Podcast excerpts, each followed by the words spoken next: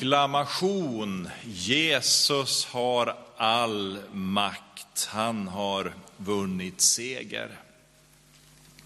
Lite som jag inledde, inledde här i början av gudstjänsten så är vi ju församlade på uppståndelsens dag. Och det är ju så församlingen har gjort i nära 2000 år, att på söndagen samlas till gudstjänst, till bön och lovsång. Och det är ju en dag som vi varje gång får påminnas om just påskdagens underbara händelse.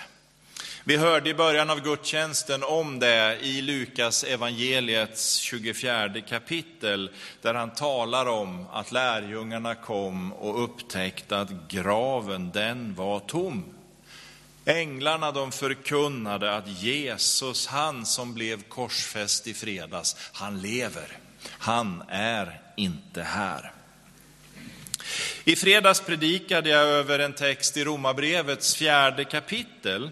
Vi ska läsa den också idag och jag kommer att röra vid samma vers fast vid några andra ord.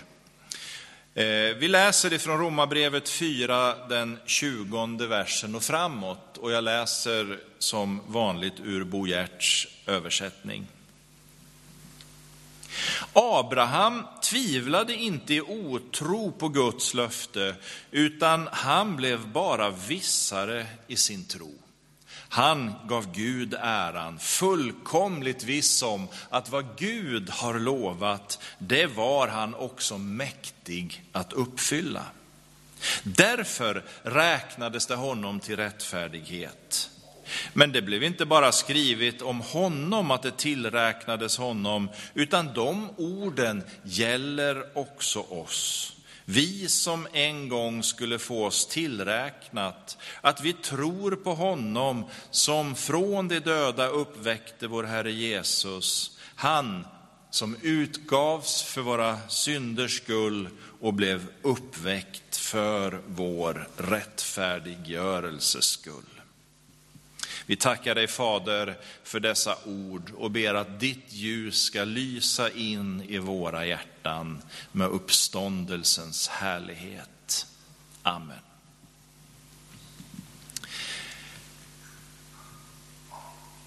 Föremålet för mina tankar på långfredagen, det var ju inledningen av den 25 versen där vi läser att Jesus utgavs för våra synders skull. Det är en stark proklamation och jag rörde vid tanken där att ordet utgav handlar om detta att Jesus inte på något sätt var tvingad fram till korset, utan det var någonting som han själv valde.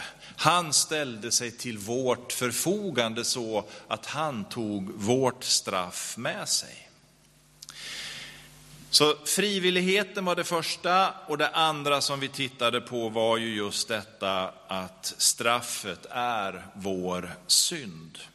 Och utifrån berättelsen om Adam läste vi i det femte kapitlet i Romarbrevet att om genom den ende syndafall döden genom denne ende kom till herravälde, så skall de som tar emot den överflödande gåvan av nåd och oförskylld rättfärdighet få ett långt bättre herravälde i liv genom denne enda Jesus Kristus. Idag vill jag fortsätta med den andra delen av Romarbrevet 4 och 25.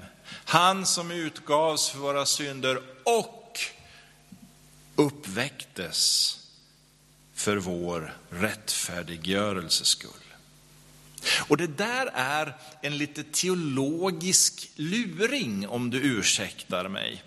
För även om döden och uppståndelsen hänger ihop, så är det ju ändå så att vi behöver förstå att själva frälsningen, den har med korset att göra.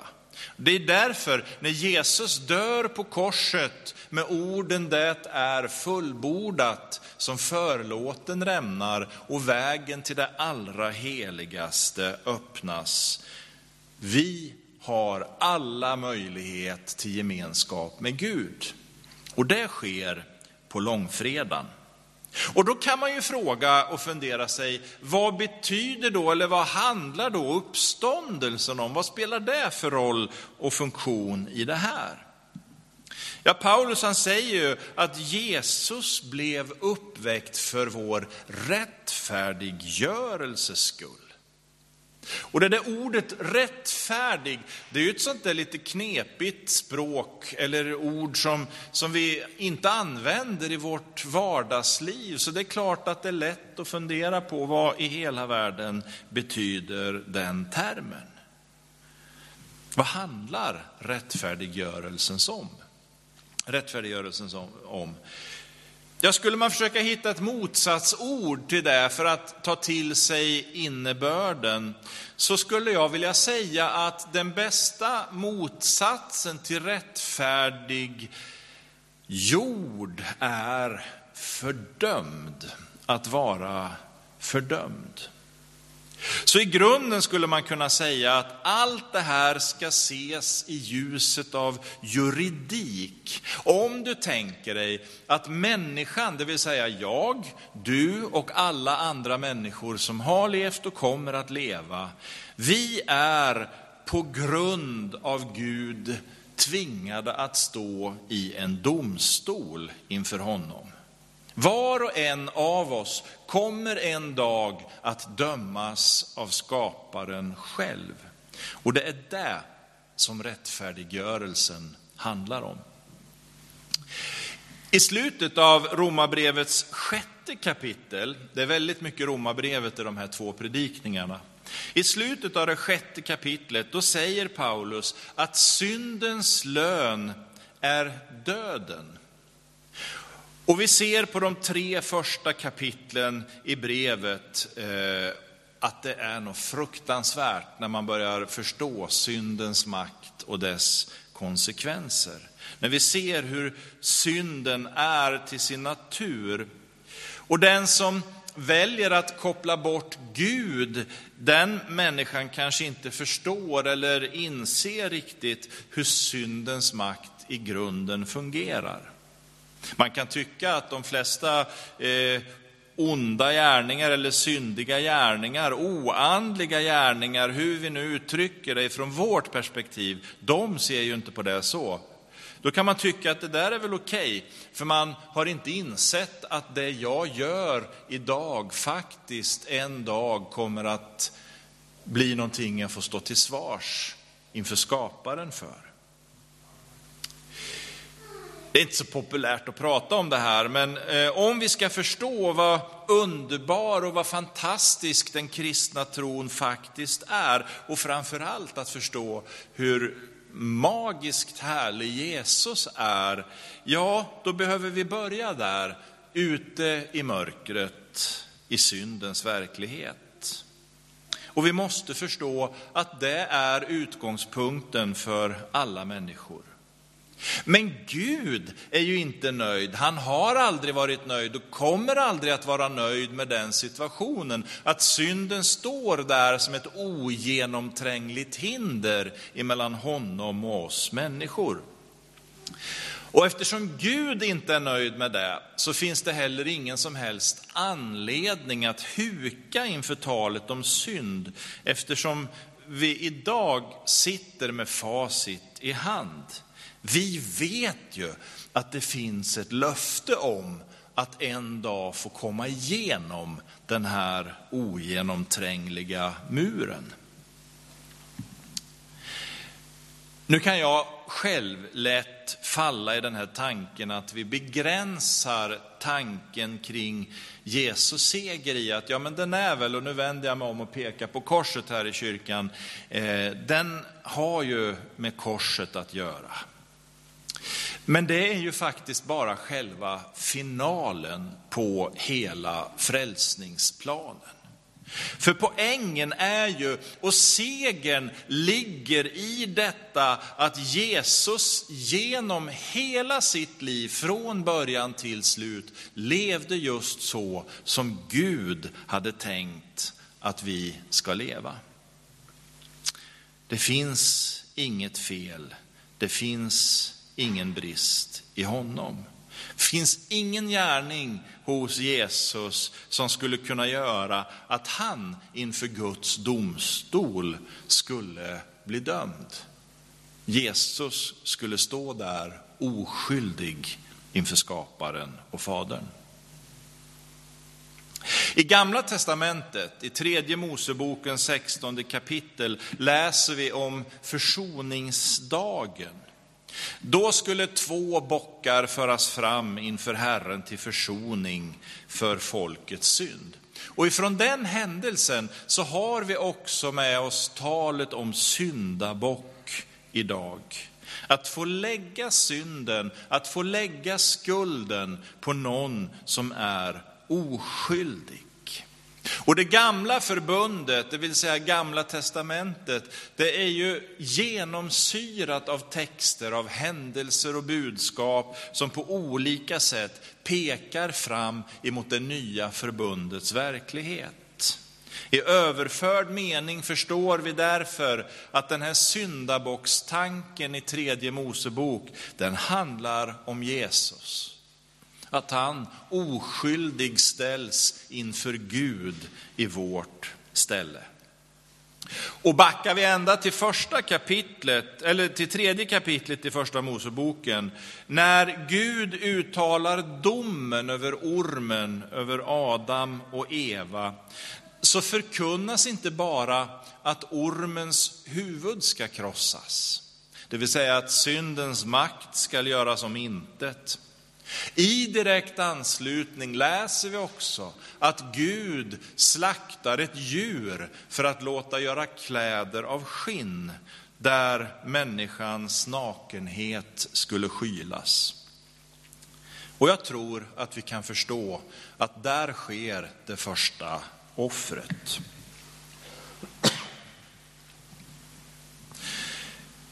Gud slaktade ett djur och gav människan kläder. När syndafallet är ett faktum så förstår vi att Gud direkt talar om två saker som kommer att ske en dag. För det första så kommer Jesus att krossa makten som ondskan bär på. Och för det andra så kommer ett offer att göras för att sona människans synd. Så när Jesus nu dör på Golgata så gör han det med orden att det var fullbordat. Det han var kallad att göra, det han hade valt att kliva in och göra var nu fört till sin fulländning. Romarbrevet 10 och 4.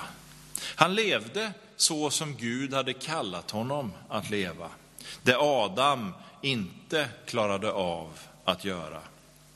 Jesus visste när han oskyldig och fullkomlig står där inför det faktum att nu är mina sista sekunder komna. Då visste han att själafiend hade inte kunnat fresta honom och förleda honom till fall ifrån Guds tanke.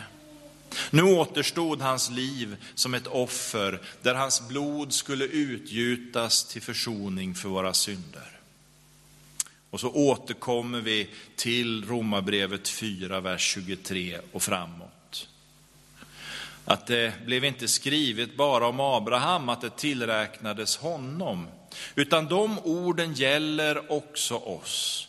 Vi som en gång skulle få tillräknat att vi tror på honom som från de döda uppväckte vår Herre Jesus, han som utgavs för våra synders skull och blev uppväckt för vår rättfärdiggörelses skull.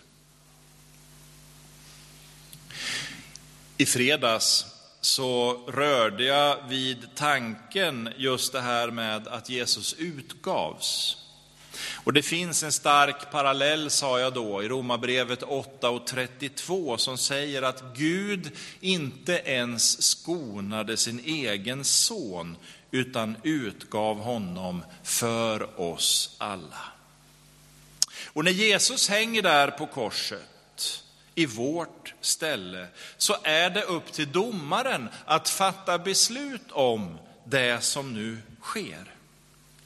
Jesus gav sitt liv för våra synder, han gav upp andan och så fortsätter Paulus med orden att han blev uppväckt för vår rättfärdiggörelses skull. Och då läser jag det som att vi kan bara förstå det här på ett enda sätt. Syndens lön är döden, såg vi i Romarbrevet 6. Men versen fortsätter ju med hans ord att Guds gåva är evigt liv i Kristus Jesus. Och nu kommer poängen. Tecknet att Gud accepterade Jesus ställföreträdande offer. Tecknet på att han accepterar vad Jesus gör det är att Gud uppväcker honom på den tredje dagen. Syndens lön är döden, men Guds gåva är evigt liv i Kristus Jesus. Eller från predikotexten, Jesus utgavs för våra synders skull, men uppväcktes för vår rättfärdiggörelses skull. Och så fortsätter Paulus i femte kapitlet. Då vi nu har gjorts rättfärdiga genom tro har vi frid med Gud genom vår Herre Jesus Kristus. Ty medan vi ännu var hjälplöst förlorade gick Kristus, när tiden var inne, i döden för oss ogudaktiga.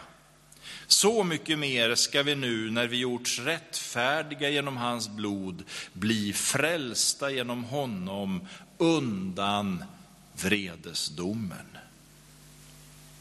Och sen kommer det här talet om Adam och Kristus som jag rörde vid i fredags. Storheten i långfredagens eller den goda fredagens budskap, det är försoningen i Jesu blod. Då gör Jesus allt som behövs för människans frälsning. Han blir syndabocken i vårt ställe. Och det obeskrivligt glada som vi idag samlas kring på påskdagen är att uppståndelsen från de döda bekräftar att Gud accepterar att Jesus dör i vårt ställe. Den död som blir konsekvensen av syndafallet tas bort i Jesus. Gud accepterar att nu är människan försonad med honom. Döden är gjord om intet genom Jesus. Syndens lön är döden, men nu är den gjord om intet i Jesus. Och det är därför som jag också tycker att det är så bra att säga att när vi kommer till tro på Jesus, att han, och så tittar vi på korset, att han dog för våra synder. När jag tror att det gäller mitt liv, då följer jag honom på vägen genom döden till livet. Det är vad vår tro handlar om. Att smälta samman med vissheten att Jesus dog för våra synder att släppa greppet om sina egna tillkortakommanden och verkligen bekänna Jesus är min försonare. Så länge jag lever här på jorden så kan jag fortfarande inte se Gud ansikte mot ansikte. Men där, vid Faderns tron, står Jesus denna stund och man har gått för oss. Och genom att tro på honom och bekänna, han är min ställföreträdare inför Fadern.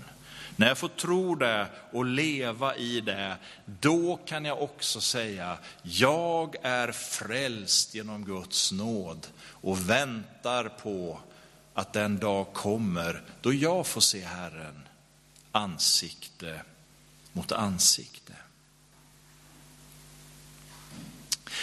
Och nu ska vi sjunga en sång tillsammans och den har numret 30 i våra sångböcker. Och den handlar om Guds trofasthet. Att Gud inte sviker sina löften, utan att Gud står fast vid vad han har lovat. Och det var ju precis det Abraham sa.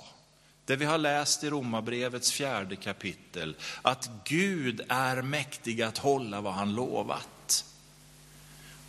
Och så får vi påminna oss om att det här med uppståndelsen som bara behöver ske en gång är Guds bekräftelse på att den som tror att det gäller mig, den personen är också frälst idag. Vi sjunger Gud är trofast, nummer 30.